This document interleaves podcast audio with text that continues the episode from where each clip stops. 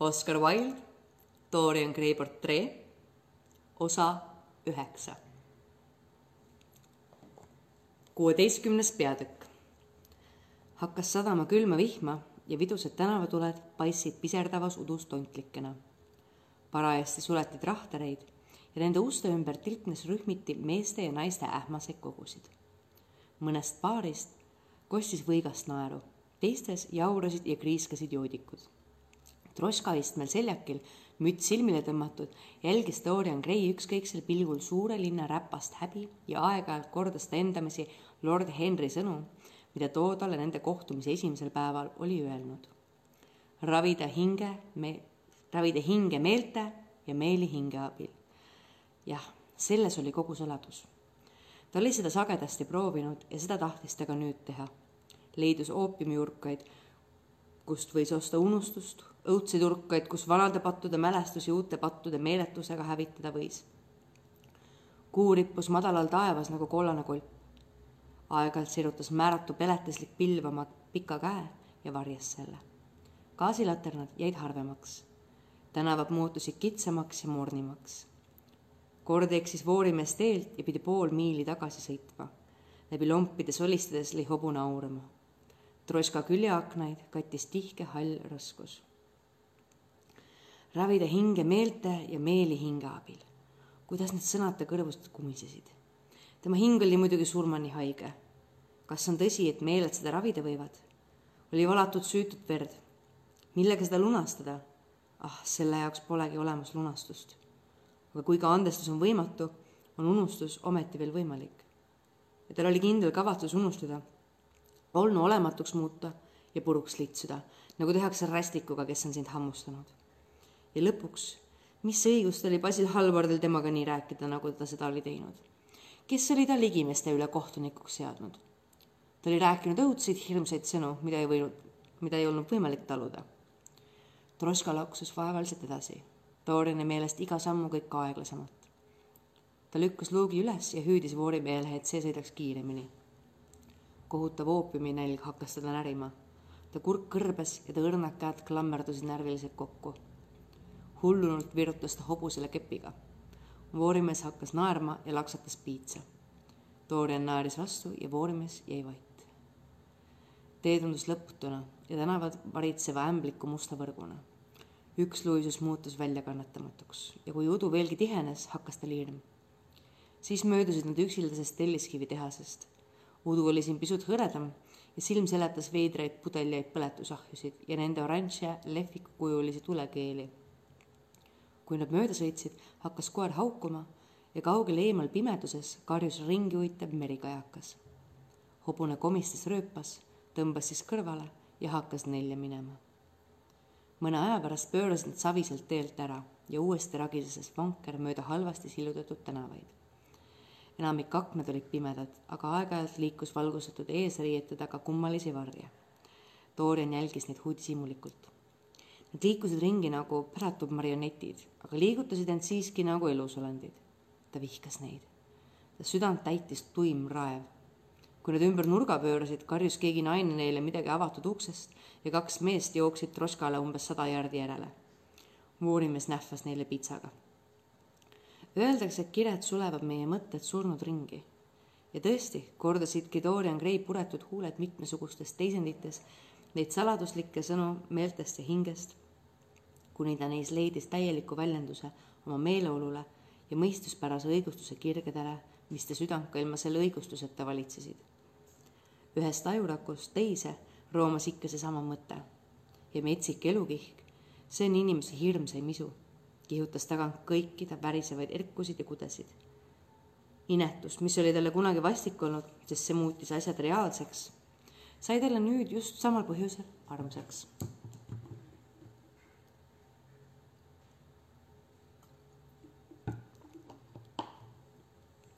Inetus on ainus reaalsus.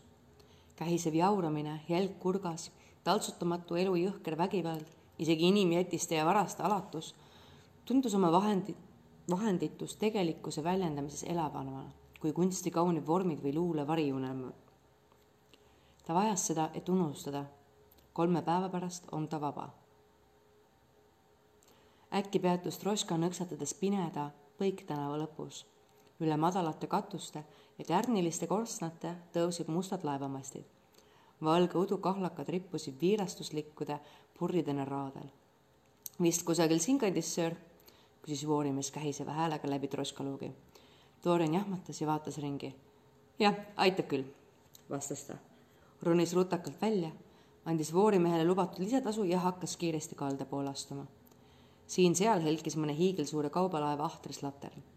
valgus väreles ja virvendas lompides. Tugev punane valgus kumas merele minekuks valmistuvat aurikult, mis parajasti sütt laadis. liimendav sillutis sarnanes märja vihmamantliga kiiresti pöördus ta vasakule, heites aeg-ajalt pilgu tagasi, et näha, kas ehk keegi talle järele ei tule. seitsme-kaheksa minuti pärast jõudis ta väikese maja lobutiku juurde, mis oli kiilutud kahe kitsa vabrikuhoone vahele. katusekambri aknal põles lamp. Dorian peatus ja koputas kokkulepitud viisil. Natukese aja pärast kostsid koridoris sammud ja kett tõmmati konksust välja. uks avanes vaikselt ja Dorian astus sisse ilma, et oleks sõnagi lausunud jässakale vormitule kogule, kes võõra möödudes pimeda seina äärde tõmbus. koridori lõpus rippus räbaldunud roheline eesriie, mis ukse avamisel tekkinud tuuletõmbuses hõljus ja lipendas. Dorian lükkas eesriide kõrvale ja astus pikka madalasse ruumi, mis oli ilmselt omal ajal olnud mingi viimase järgu tantsusaal. Kõigil neljal seinal põlesid eredalt kiiskavad gaasilambid, mis ähmaselt ja moondunult vastu hilkisid kärbsemust aga rüvetatud peeglitest. lampide taha olid asetatud soonilisest plekist räpased reflektorid, mis heitsid seintele värisevaid valguskettaid. põrandat kattis ookrivärvi saepuru, mis siin-seal juba poriseks tallatud ja maha läigitatud jookidest laiguline. mõned malailased kükitasid väikese söeahju juures, veeretasid luust täringuid ja näitasid lobisedes oma valgeid hambaid nurgalauas rinnutas madrus pea käte vahel ja kirjuks võõbatud leti ääres, mis ulatus üle terve seina, seisis kaks kurnatud välismusega naist. pilgatas vanameest, kes jälkust väljendaval ilmel oma kuuekäiseid pühkis. ta arvab, et tal on punased sipelgad seljas, naeris üks naistest, kui Tooren mööda läks. mees vaatas naisele hirmunult otsa ja hakkas vinguma. Ruumi teises otsas oli väike trepp, mis viis hämarasse tagakambrisse kui Dorian mööda kolme kõikuvat astet üles ruttas, lõi talle vastu raske oopiumilõhn. ta tõmbas sügavasti hinge ja ta sõrm, sõõrmed värisesid naudingust. sisse astudes märkas ta siledate heledate juustega noormeest, kes lambi kohale kummardudes süütas pikka peenikest piipu. Doriani nähes tõstis ta pea, vaatas talle otsa ja noogutas kõhtlevalt. Teie siin, Adrian, pommises Dorian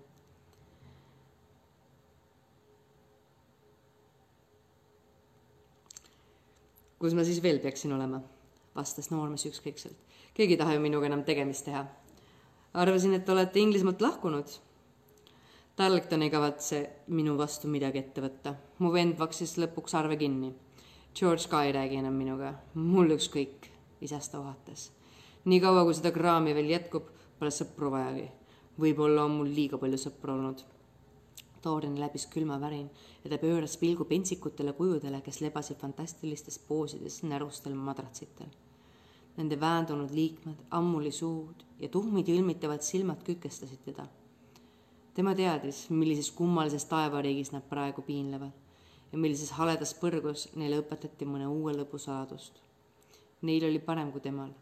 Tema oli oma mõttevanglas. mälestus pures ta hinge nagu õudne tõbi aeg-ajalt tundus talle, et näeb Basil Hallwardi silmi endale otsa vaatamas. sellest hoolimata tundis ta, et siia ta jääda ei või. Adrian Singletoni juuresolek segastada. ta vajas paika, kus keegi ei tea, kes ta on. ta tahtis pääseda iseenda eest. ma lähen edasi kuhugi mujale, ütles ta viivu aja pärast. Kaile? jah, see marukass on kindlasti seal. siia teda enam sisse ei lasta. Dorian kehitas õlgu mul on villand naised, kes kedagi armastavad. Need, kes vihkavad, on huvitavamad.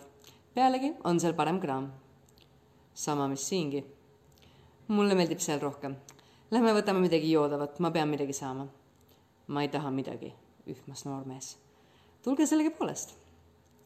tülpinult ajas Adrian Singleton end jalule ja läks Doriani kannul leti äärde. Näruses turbanis kulunud mantlis segaväärt hindu tervitas neid võika naeratusega, lükates nende ette konjakipudeli ja klaasid. kaks naist nihkusid lähemale ja hakkasid vadistama. Dorian pööras neile selja ja ütles vaikselt Adrian Singletonile paar sõna. üks naistest naeratas hapult, vedades näo malai, malailaslikult malailaslikult pidukile. Me oleme täna õhtul kangesti uhked, irvitas ta. jumala pärast ära räägi minuga, karjus Dorian jalga vastu põrandat lüües. mis sa tahad, raha, säh, ära mind enam kõneta. üürikeseks värgatasid naise tursunud laugade all kaks punast sädet, siis kustusid need ja pilk muutus endiselt tuhmiks ja klaasiseks. ta viskas pea selga ja kahmas ahnete sõrmedega letilt rahatükid ta kaaslane jälgis teda kadedalt. Ahjat, asjata, ohkas Adrian Singleton. ma ei tahagi enam tagasi, mis mõttega? ma olen siin täiesti õnnelik. aga kirjutage mulle, kui te midagi vajate, eks ole? ütles Dorian natukese aja pärast. võib-olla. head ööd siis. head ööd, vastas noormees trepist üles astudes ja taskurätikuga korpus huuli pühkides. näol piinatud ilme läks Dorian ukse poole kui ta eesriide kõrvale tõmbas, puhkes värvitud naine, kellele ta esiti rahale andnud, võikalt naerma. seal läheb kuradile müüdud hing, laksus ta luksuste kähiseval häälel. ole sa neetud, vastas Dorian, neid sõnu ära suhu võta. naine nisputas sõrmi. tahad, et sind parem prints võlujaks süütaks, ah? karjus ta Dorianile järele. samal hergel, samal hetkel kargas unine madrus püsti ja vahtis metsikul pilgul ringi. kinni langeva esiku ukse paugatus lajatas talle kõrvu. ta tormas välja, nagu oleks kurikannul. tibutavas vihmasajus tõttas Dorian Gray mööda kai pealselt edasi. kohtumine Adrian Singletoniga oli teda imelikult liigutanud ja ta küsis endalt, kas tõesti jääb selle noormehe elu häving tema hingele, nagu Basil Hallward nii teotava häbematusega oli öelnud. ta hammustas huult ja viivuks muutus ta pilk kurvaks aga mis see temasse puutub? Elupäevad on selleks liiga lühikesed, et ennast teiste inimeste rumalustega koormama hakata. igaüks elab enda elu ja peab selle eest ise maksma. kahju ainult, et üheainsa eksimuse eest tuleb korduvalt tasuda. tegelikult tuleb ikka ja jälle uuesti maksta. inimestega asju ajades ei lõpeta saatus kunagi oma arvet. nagu hingeteadlased kinnitavad, tuleb ette silmapilke, mil kirg patu järele või selle järele, mida inimesed patuks nimetavad sedavõrd kogu loomust valitseb, et iga meie kehakude ja iga ajurakk näib olevat haaratud kohutavast kihust. niisugusel hetkel kaotavad inimesed oma tahtevabaduse. nagu automaadid liiguvad nad oma hirmsa eesmärgi poole. Neilt on võetud valikuvõimalus ja südametunnistus on kas surmatud või ta, või kui ta veel elabki, siis ainult selleks, et maalida mässu veetlevaks ja anda sõnakuulmatusele võlu sest kõik patud, nagu usuteadlased väsimatult kordavad, on sõnakuulmatuse patud. kui see kõrge vaim, see kurjuse koidutäht taevast langes, siis langes ta kui mässaja.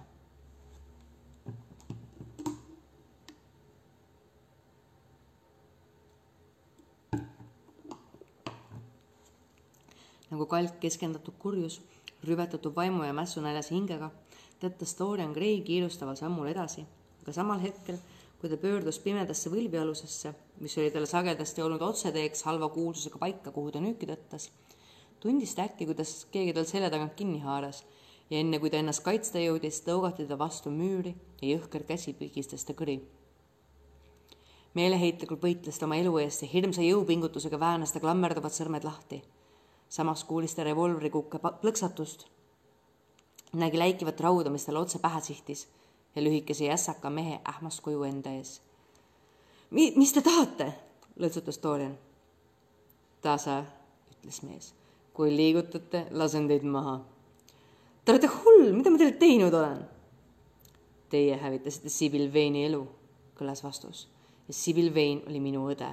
ta tappis end. ma tean seda. tema surm on teie hingel. ma vandusin, et selle eest ma te tapan teid. olen teid aastate kaupa otsinud mul polnud mingit pidet ega jälge. kaks ainukest inimest, kes oleksid võinud teid kirjeldada, on surnud. teadsin ainult hellitusnime, mille Sibil teile andis. täna õhtul ma juhtusin seda kuulma.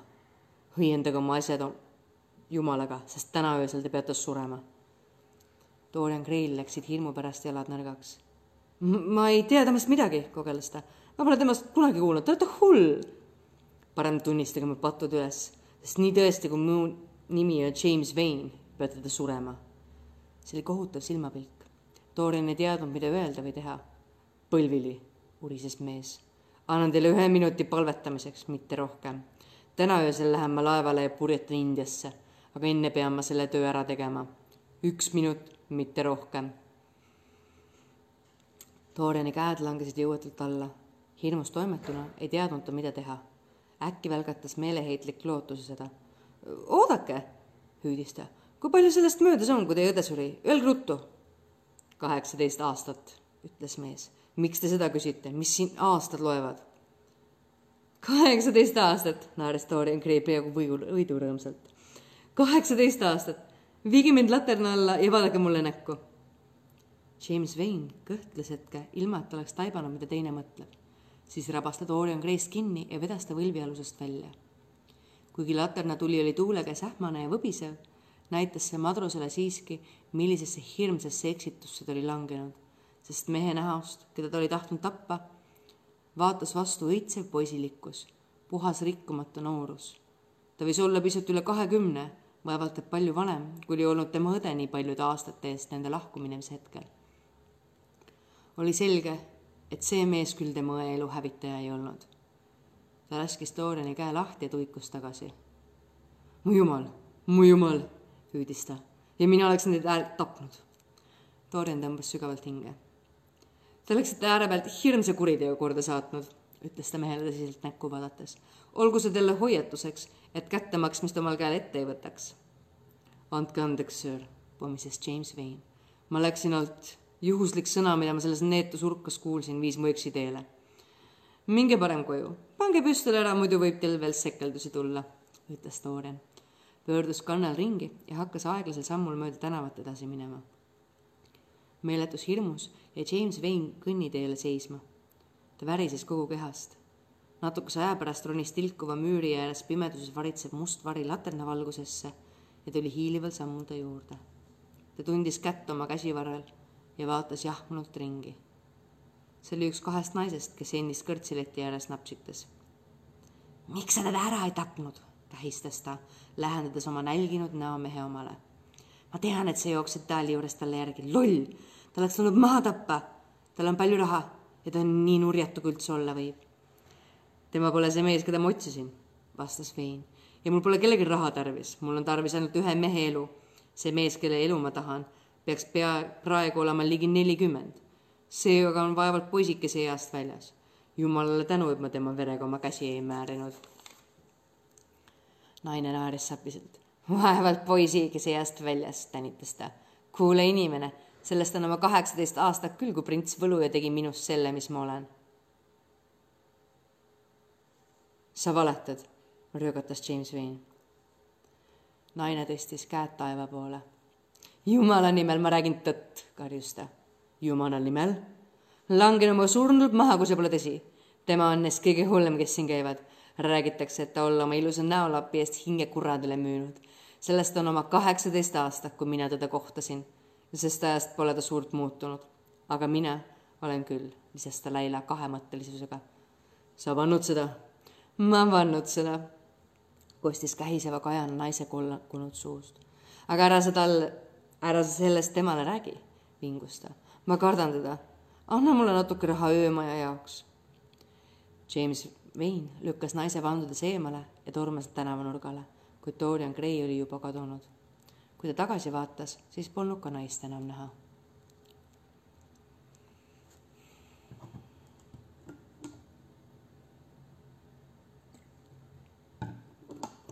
Seitsmeteistkümnes peatükk. Nädal aega hiljem istus Dorian Gray Selby Royali talveaias ja vestles kauni hertsoginna Monmouthiga, kes koos oma abikaasa, kuueteistkümneaastase kurnatud välimusega mehega tema külalisseltskonda kuulus. oli teeaeg. laual seisva suure pitskattega lambi pehme valgus langes õrnale portselanserviisile ja lauahõbedale, mille juures hertsoginna majaproua kohustusi täitis. ta valged käed liikusid kenasti tasside vahel ja ta punased täidlased huuled naeratasid sõnade peale, mida Dorian oli talle sosistanud.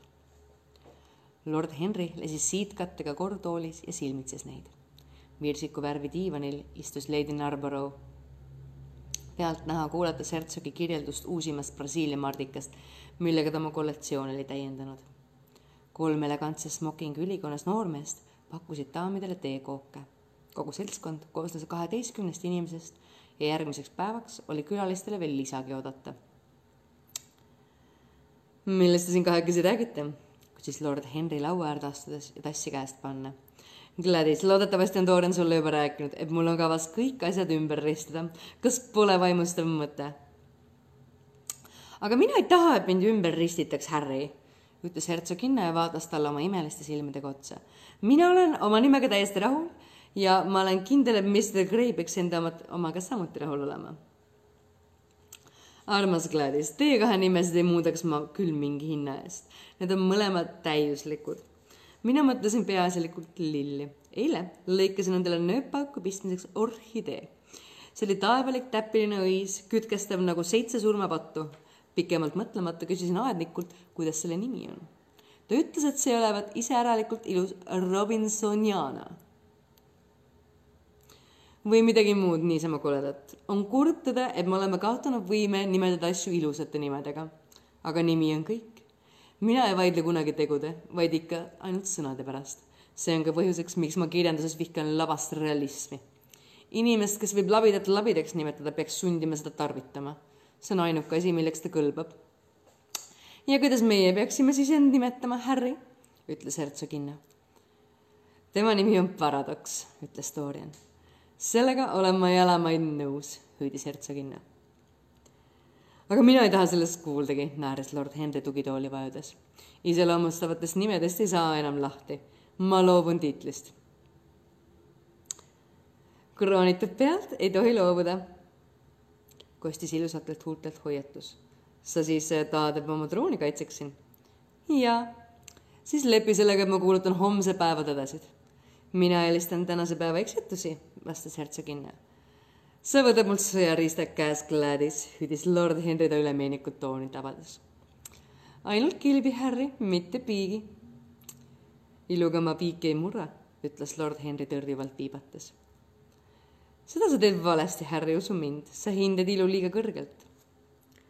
kuidas sa võid seda öelda? möönan, et minu arvates on parem olla ilus kui hea aga teisest küljest pole vist keegi nii varmalt valmis tunnistama, et parem on olla hea kui inetu. Tähendab, inetus on üks seitsmest surmapatust, hüüdis hertsoginna. mis saab siis sinu võrdlusest orhideega? inetus on üks seitsmest põhivoorusest, Gladys. sina kui aus toori ei tohi nüüd alahinnata. õlu, piibel ja seitse põhivoorust on teinud Inglismaast selle, mis ta on. sa ei armasta siis oma kodumaad? hüüdis hertsoginna. ma elan siin. et teda oleks parem arvustada? peame siis ühinema Euroopa otsusega tema kohta, küsis lord Henry. Mida nad siis meie kohta ütlevad? et Tartuffe olevat välja rännanud Inglismaale ja siin poe avanud. on see sinu oma, Harry? ma kingin selle sulle. ma ei saa seda kasutada, see on liiga õige. sul pole vaja karta, meie suguvõnad ei tunne ennast üheski kirjelduses ära. Nad on praktilised. Nad on pigem kavalad kui praktilised kui nad oma pearaamatus kokkuvõtteid teevad ja tasakaalustavad nad rumaluse rikkusega ja pahe silmakirjalikkusega. Ometi oleme suuri asju korda saatnud. Need on meile kaela laotud, Gladys. me oleme nende koormat kanda suutnud. ainult kuni börsihoone ukseni. hertsoginna raputas pead. mina usun meie tõusse, hüüdis ta. see näitab ainult ettevõtlikkuse pealejäämist võitluses olemasolu eest. ta areneb langus võlub mind rohkem. ja kunst, küsis hertsoginna, see on haigus. Armastus, illusioon ja religioon, usu moes olev aseaine. sa oled skeptik, mitte sugugi. skeptitism on, skeptitsism on ristiusuläte. mis sa siis oled? defineerida tähendab piirata. anna mulle juhtlõng. lõngad katkevad sa kaotaksid labürindis tee. sa ajad mind sassi, räägime millestki muust. Meie majaaine, majahärra on tore jutuaine, juba aastate eest ristiti teda prints võlujaks. ah, ärge mulle seda meelde tuletage, hüüdis Dorian Gray. meie majahärra on täna õhtul lihtsalt hirmus, vastas hertsoginne punastades. ta usub vist, et Monmouth küsis mind puhtalt teaduslikel põhimõtetel, kui parima eksemplari, mida ta moodsate liblikate seast leidis. loodan, et ta ei torka teisse nõelu, hertsoginne, nääris Dorian oi, Mr Gray, selle eest muretseb juba mu toaneitsi, kui ta minuga pahandab. ja miks ta teiega siis pahandab, hertsoginna? kõige tühisemate asjade pärast, Mr Gray, uskuge. harilikult sellepärast, et tulen koju kümme minutit enne üheksat ja ütlen talle, et pean poole üheksaks riietatud olema. kui mõistmatu ta on, te peaksite talle koha üles ütlema. ma ei saa, Mr Gray, ta mõtleb mulle kübaraid välja. kas mäletate seda, mida ma Lady Hillstone'i aia peal kandsin? Muidugi ei mäleta, aga see on teist ikkagi väga kena, et te teete nagu mäletaksite. jah, ta tegi selle ei mille, mitte millestki. kõik head kübarad on tehtud mitte millestki. nagu iga hea nimigi Gladys, pistis lord Henry vahele. iga efekt, mille sa saavutad, toob sulle ühe vaenlase juurde. selleks, et populaarne olla, peab olema keskpärane. see ei käi naiste kohta, ütles hertsoginna pead raputades ja naised valitsevad maailma, uskuge mind, keskpärasust me ei kannata. nagu keegi on öelnud, armastame meie naised kõrvadega, nagu teie mehed armastate silmadega, kui te üldse kunagi armastate. mulle näib, et midagi muud me ei teegi, lausus Dorian. ah, siis ei armasta te tõeliselt kunagi, Mr Gray, vastas hertsoginna tehtud nukrusega. mu armas Gladys, hüüdis lord Henry. kuidas sa võid ometi nii öelda? Iga armulugu elab kordamisest ja kordamine muudab iha kunstiks. pealegi on nii, et iga kord, kui keegi armastab, on see ainus kord, kus ta üldse on armastanud. erinev objekt ei muuda kire ainupärasust, see ainult süvendab teda. parimal juhul saame elus ainult ühe tõelise elamuse ja elu saladus on selles, et seda elamust võimalikult sageli korrata. kas isegi siis, Harry, kui oled sealjuures haavata saanud? küsis hertsoginne pärast lühikest vaikust. eriti just siis, kui oled haavata saanud, vastas lord Henry hertsoginna möödus ja vaatas Dorianile kummalisel pilgul otsa. mida teie selle kohta ütlete, Mr Gray? küsis ta. Dorian viivitas pisut, siis heitis ta pea kuklasse ja puhkas naerma. ühinen alati Harry arvamusega, hertsoginna. isegi siis, kui tal pole õigus. Harryl on alati õigus, hertsoginna. ja kas ta filosoofia teeb teid õnnelikuks? ma pole kunagi õnne otsinud. kes vajab õnne? Ma olen otsinud naudingut. ja te olete seda leidnud, Mr Gray? sageli, liigagi sageli. hertsoginna ohkas. mina otsin rahu, ütles ta. ja kui ma nüüd riietuma ei lähe, siis ei leia ma seda täna õhtul mitte. lubage tuua endale mõned orhideed, hertsoginna, hüüdis Dorian püsti karates ja suundus talveaia kaugemasse otsa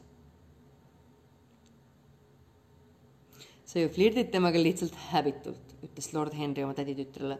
võiksid ettevaatlikum olla, ta on äärmiselt kütkestav inimene. kui ta seda ei oleks, siis poleks lahingut. tähendab, kreeklased kreeklaste vastu. mina olen troojalaste poolt, nemad võitlesid naise pärast ja kaotasid. on hullemaid asju, kui vaenlase kätte langeda, vastas hertsoginna. sa oled ratsmed lõdvele lasknud. kiirus annab elule värvi, kõlas vastulöök täna õhtul kirjutan ma selle oma päevikusse üles. mille? et põletada saanud laps armastab tuld. ma pole isegi kõrvetada saanud, mu tiivad on puutumata. sa kasutad neid kõigeks muuks, mitte ainult lendamiseks. naised on julguse meestelt üle võtnud, meil pole veel sellega kogemusi. sul on võistleja. kes? lord Henry hakkas naerma. Lady Narborough, sosistas ta ta lausa jumaldab Doriani. sa ajad mulle hirmu peale. meil romantikutel on lootusetu võistelda antiigivõludega. romantikud, teie käsutuses on kõik nüüdisaja teaduse meetodid. eks mehed ole seda meile õpetanud, aga mitte teid ära seletanud. kirjelda meid kui sugupoolt, provotseeris hertsoginna. Sfinksid ilma saladusteta. hertsoginna vaatas talle naeratades otsa kuhu Mr Green nii kauaks jääb, ütles ta. Lähme talle appi, ma ei öelnudki talle, mis värvi mu kleit on. Pole mõtet, Gladys, sina pead oma kleidi valima tema lillede järgi. see oleks enneaegne alistumine. romantiline kunst algabki oma haripunktiga. aga ma pean endale taganevistee lahti jätma. kas partlaste eeskujul? Neid kaitses kõrb, minul sellist võimalust ei ole. naistel pole iga kord valikut, vastas lord Henry, kuid vaevalt sai ta lause lõpetada, kui talveaia kaugemast otsast kostis lämmatatud oie, millele järgnes raske prantsatus. kõik kargasid püsti. hertsoginna jäi hirmust kangeks, kohkunud pilgul sööstis lord Henry nõtkuvate palmiokste vahelt läbi ja leidis Dorian Gray kummuli maas, surmsügavas minestuses, telliskivi põrandal lamamas.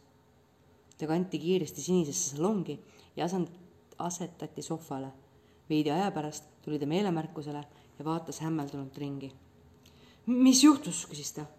oh, nüüd mul tuleb meelde, kas ma võin siin julge olla, Harry? ta hakkas värisema. kallis Dorian, vastas lord Henry, te ainult minestasite muud midagi Te olete end liiga ära väsitanud, parem oleks, kui te lõunasöögile ei tule, ma asendan teid. ei, ma tulen, ütles ta end vaevaga jalule ajades. ma parem siiski tulen, ma ei või praegu üksi jääda. ta läks oma tuppa ja riietus ümber. laua ääres näitas ta üles ohjeldamatut lõbusust, aga aeg-ajalt käis läbi temast hirmujudin, kui talle meenus, et läbi talveaia akna oli teda silmitsenud James Vane'i nägu, vastu klaasi surutud nagu valge taskurett.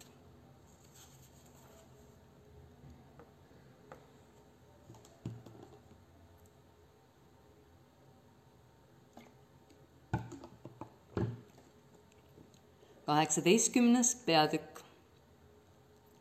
Järgmisel päeval ei tõstnud ta jalgagi majast välja ja veetis suurema osa ajast oma toas, halvatuna meeletust hirmust surma ees.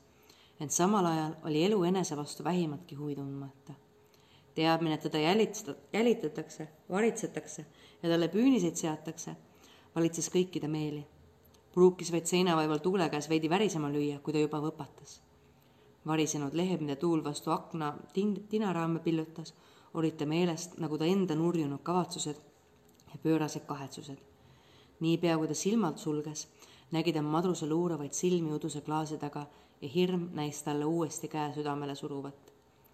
aga ehk oli see ainult kujutelm, mis oli kättemaksu ööpimedusest välja kutsunud ja toonud karistuse võikad viirastuseta silme ette.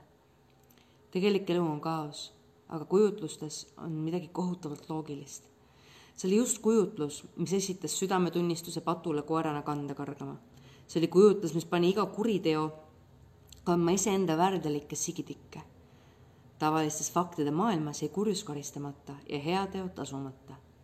edu oli tugevate päralt, kaotus jäi nõrkade osaks. muud midagi. pealegi, kui tõesti mõni võõras oleks maja ümber hiilinud, siis oleksid teenrid või metsavahid teda nägema pidanud kui lillepeenardilt oleks leitud jalajälgi, siis oleksid aednikud sellest teatanud. jah, ta oli seda lihtsalt ette kujutanud. Sibyl Veini vend polnud tagasi tulnud, et teda tappa. ta oli oma laevaga minema purjetanud, et kusagil talvisel merel hukkuda. igatahes tema pärast võis ta muret olla. ja see mees ju lõpuks ei teadnudki, kes ta on. ta ei võinudki seda teada. nooruse mask oli ta elu päästnud. aga isegi, kui see tõesti ainult piirastus oli ikkagi oli jube mõelda, et südametunnistus võib sünnitada niisuguseid õudseid pettekujutlusi. annab meile nähtava kuju ja paneb nad silme ees liikuma. mis elu teda siis ootab, kui ta kuriteo varjutada ööd ja päevad oma vaiksetes nurkades piiluvad, teda oma peidupaikadest mõnitavad, pidulaua ääres talle kõrva susistavad, teda oma jäiste sõrmede kunest äratavad. kui see mõte tal pea, läbi pea roomas, läks ta hirmust kahvatuks. talle näis, nagu oleks tuba äkki külmemaks läinud oh, millisel metsiku hulluse tunnil ta küll oma sõpra tappis. mälestuski sellest oli surmaõudne. jälle nägi ta kõike uuesti, iga jäledat üksikasja meenutades kasvas ta hirm veelgi. võikana, üleni veripunastes mähistes kerkis ta patuteo kehastus aja mustast kuristikust. kui lord Henry kell kuus tema tuppa tuli, leidis ta Doriani südant lõhestavalt nutmas. alles kolmandal päeval julges ta välja minna talvehommiku selguses ja okaspuu lõhnas oli midagi, mis näis talle rõõmu ja eluiha tagasiandet. kuid selle muudatuse põhjuseks ei olnud mitte ainult välised tingimused. ta enda loomus oli mässama hakanud selle äärmise ängistuse vastu, mis oli püüdnud kõigutada ja hävitada kunagist täiuslikku rahu. tundeliste ja peenekoeliste loomustega on see alati nii. Need tugevad kired peavad kas ennast veristama või vaibuma. Nad kas tapavad inimese või surevad ise sest ainult pealiskaudsed mured ja pealiskaudsed armastused elavad edasi.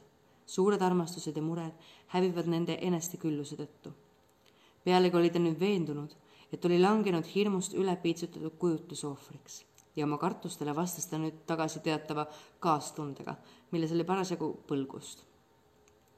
pärast einet jalutas ta hertsoginnaga tund aega aias ja sõitis siis läbi pargi, et ühineda jahiseltskonnaga. karge härmatis kattis rohtu soolakihina. Taevas oli nagu sinisest metallist kummulikarikas. õhuke jääkile äärestas madalat rooga kasvanud järve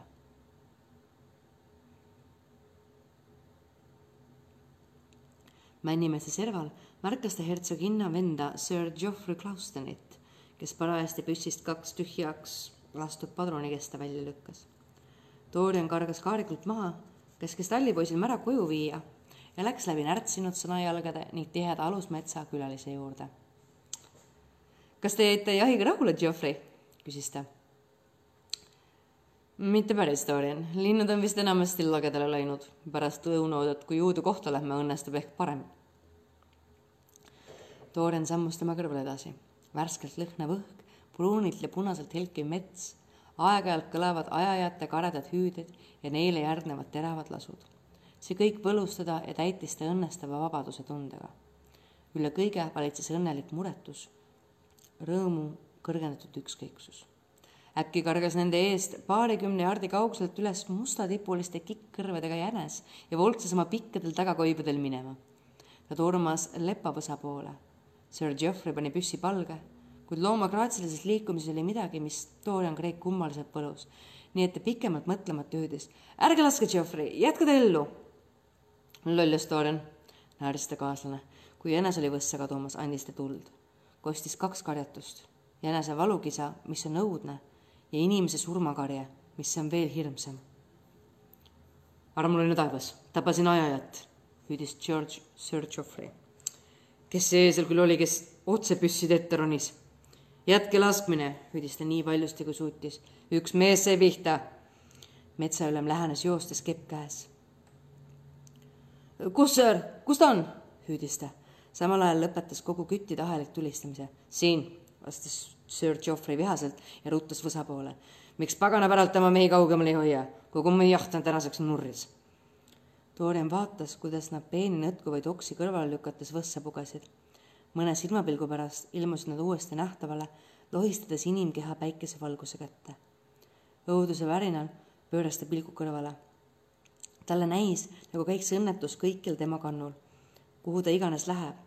ta kuulis, kuidas Sir Geoffrey küsis, kas mees on tõesti surnud ja kuidas metsaülem jaatavalt vastas. äkki tundus talle, nagu oleks mets täis elavaid nägusid kostis lugematute jalgade müdinat ja tasast häälte suminat. suur vaskrindne faasan lendas tiibadega pekseldes läbi kõrgete okste.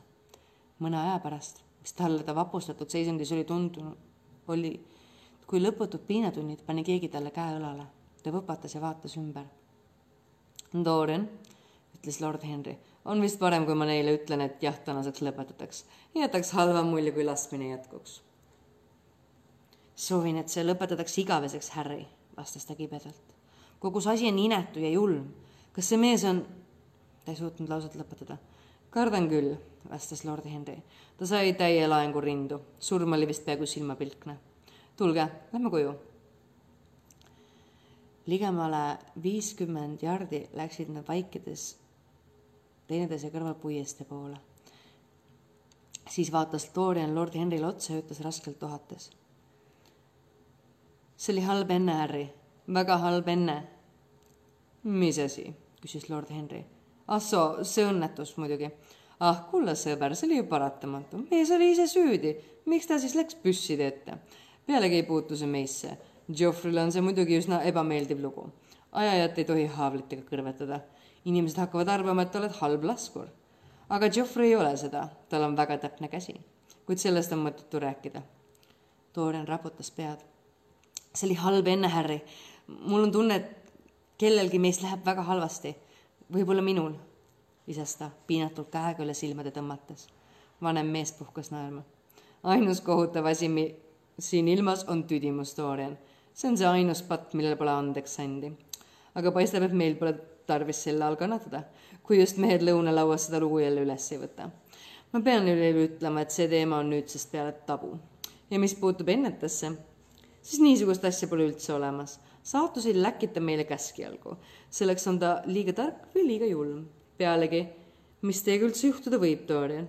Teil on olemas kõik, mida inimene siin ilmas vajab. Pole kedagi, kes suurima rõõmuga oma osa teiega ei vahetaks Pole kedagi, kellega mina oma osa ei vahetaks, Harry. mis te naerate, ma räägin tõtt.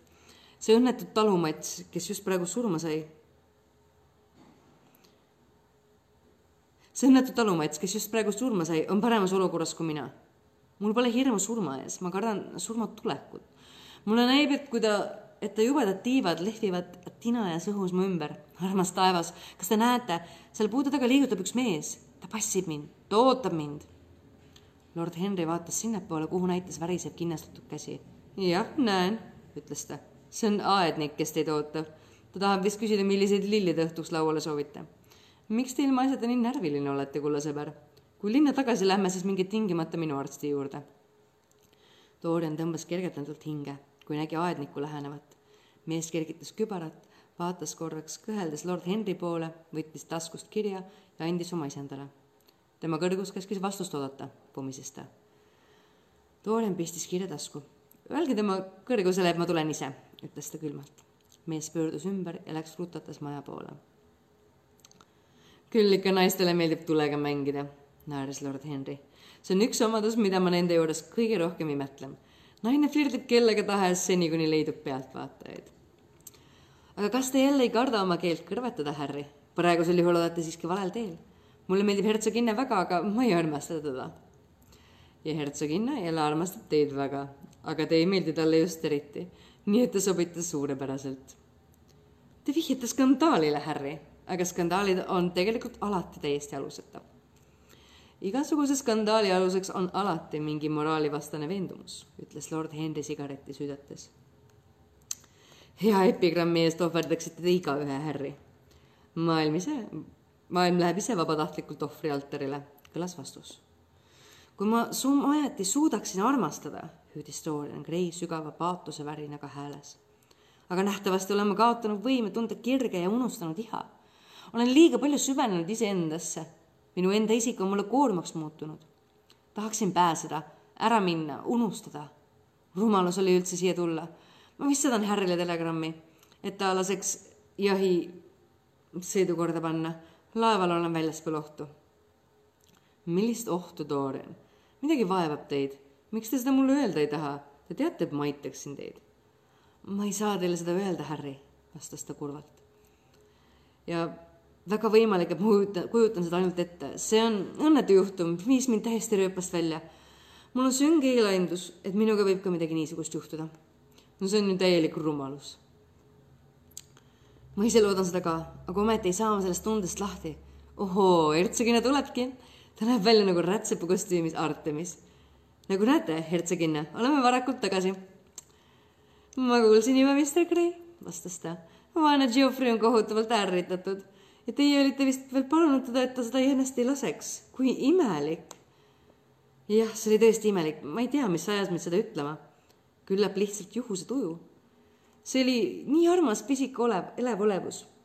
aga ma tõesti kahetsen, et nad teile sellest mehest rääkisid, see on jube lugu. see on tüütu lugu, pistis lord Henry vahele. vähimatki psühholoogilist väärtust sellel ei ole. oleks Geoffrey seda meelega teinud, siis oleks ta tõesti huvi pakkunud. tahaksin väga tutvuda inimesega, kes on tõelise mõrva korda saatnud. kui kole sa oled, Harry, hüüdis hertsoginna. Eks ole, Mr Gray Harry, mis see grill on jälle paha, ta on minestamas. kogu jõudu kokku võttes sai Dorian endast võitu ja naeratas. Pole midagi, hertsoginna, lausus ta. mu närvid on hirmsasti käest ära. muud pole midagi. ma vist käisin täna õhtul liiga palju, ma ei kuulnud, mis Harry ütles, kas jälle midagi jubedat? aga nähtavasti pean minema ja pikali heitma. Te ju vabandate mind?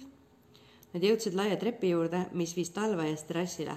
Kui klaasuks oli Dorian järel kinni langenud pöördus lord Henry ümber ja vaatas oma raugete silmadega hertsoginnale otsa. oled sa temasse väga armunud? küsis ta. hertsoginna viivitas veidi vastusega ja silmitses maastikku. tahaksin seda isegi teada, ütles ta viimaks. lord Henry raputas pead.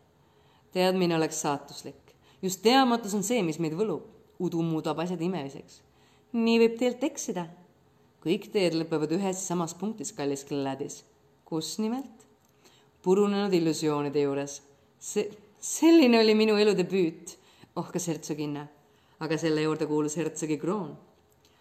olen maasikalehtedest tüdinud Nad sobivad sulle hästi, ainult avalikkuse ees. kui sa neist silma jääd, tunned sa neist puudust, ütles lord Henry. ma ei kavatse ainsastki õielehest loobuda.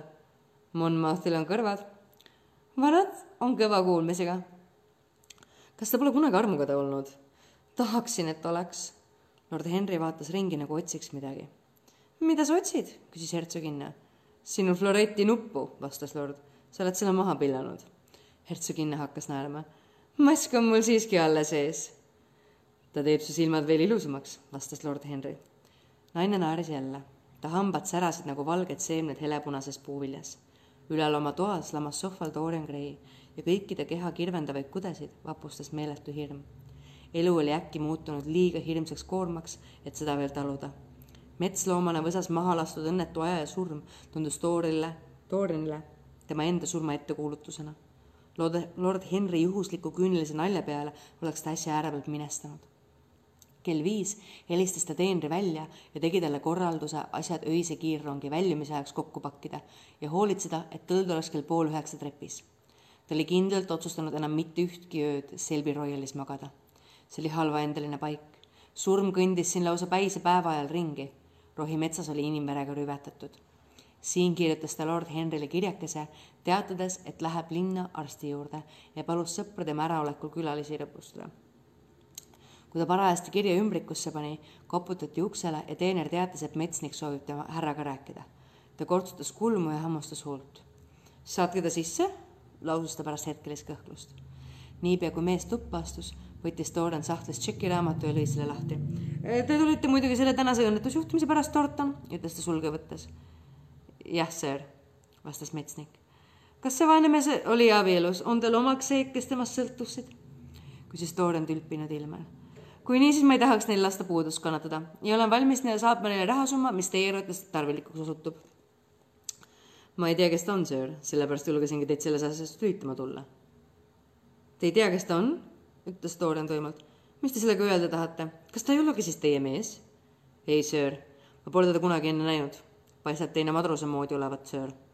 sulg kukkus Dorian Gray'l peost ja tal oli tunne, nagu oleks ta süda äkki tuksumast lakanud. madruse moodi, hüüdis ta. ütlesid, et madruse moodi? jah, söör. paistab, nagu oleks ta madrus olnud, mõlemad käsivarred tätoveeritud ja muidu ka niisugune. Kas tema juurest leiti midagi? küsis Dorian üle laua küünitades ja pärane silmi mehe otsa vaadates. midagi, mis laseks ta nime kindlaks teha pisut raha söör, mitte kuigi palju, ja kuuelaenguline revolver, aga nime mitte mingisugust. muidu viisaka välimusega meessöör, ainult veidi tahumatu, meie arvates ikka meremees. Dorian kargas püsti. ta silme ees vilksatas hirmus lootus. meeletult rabas ta selle kinni. kus laip on, hüüdis ta, ruttu, ma pean teda kohe nägema. Ta on meie farmi tühjas hallis, söör, inimesed ei taha niisugust asja oma majja võtta. Öeldakse, et surnukeha pidavat õnnetust tooma. farmis minge kohe sinna ja oodake mind. Öelge tallipoisile, et ma hobuse siia tooks. ei, laske olla, ma lähen ise talli juurde. nii saab rutem. vähem kui veerand tunni pärast kihutas Dorian Gray tuhat nelja mööda pikka alleed. puud näisid temast viirestuslikust rongkäigust mööda uhisevat ja metsikud varjud viskusid põikide teele. kord põikas ratsu valget väravaposti kartes kõrvale ja oleks ta peaaegu sadulast maha paisanud. Ta nähvas hobusele ratsapiitsaga mööda kaela. nagu nool sööstis see läbi häbara rõhu. kivid lendasid ta kappe talt viimaks jõudis ta farmi. õuel luusis kaks meest. ta kargas sadulast ja viskas ratsmeid ühele kätte. kõige kaugemas tallis vilkus tuluke. miski nagu ütles talle, et laip on seal. ta ruttus ukse juurde ja pani käe lingile. seal viivitas ta silmapilgu, tundes, et seisab avastuse ees, mis võib ta elu päästa või huugutada. siis tõukas ta ukse lahti ja astus sisse. tagumises nurgas kotihunnikul lebades mehe laip seljas karedast riidest pluus, jalas sinised püksid. ta näol oli plekiline taskurett laotatud. lihtlabane küünal, mis otsapidi pudeli kaela pistetud, põles särinalt ta kõrval. Dorian Gray'd läbis värin. ta tundis oma käed käega, et taskuretti ta küll kergitada ei suuda. ja hõikas farmitöölist. võtke see talt näolt ära, ma tahan teda näha, ütles ta ja haaras tugevalt seda suksapiidest kinni. Kui farmitööline oli ta soovi täitnud, astus Dorian lähemale. ta suust kostis rõõmukarjatus. võsas maha lastud mees oli James Vane. ta seisis paar minutit ja vahtis laipa. kui ta koju ratsutas, olid ta silmad pisarais. ta teadis, et ta on pääsenud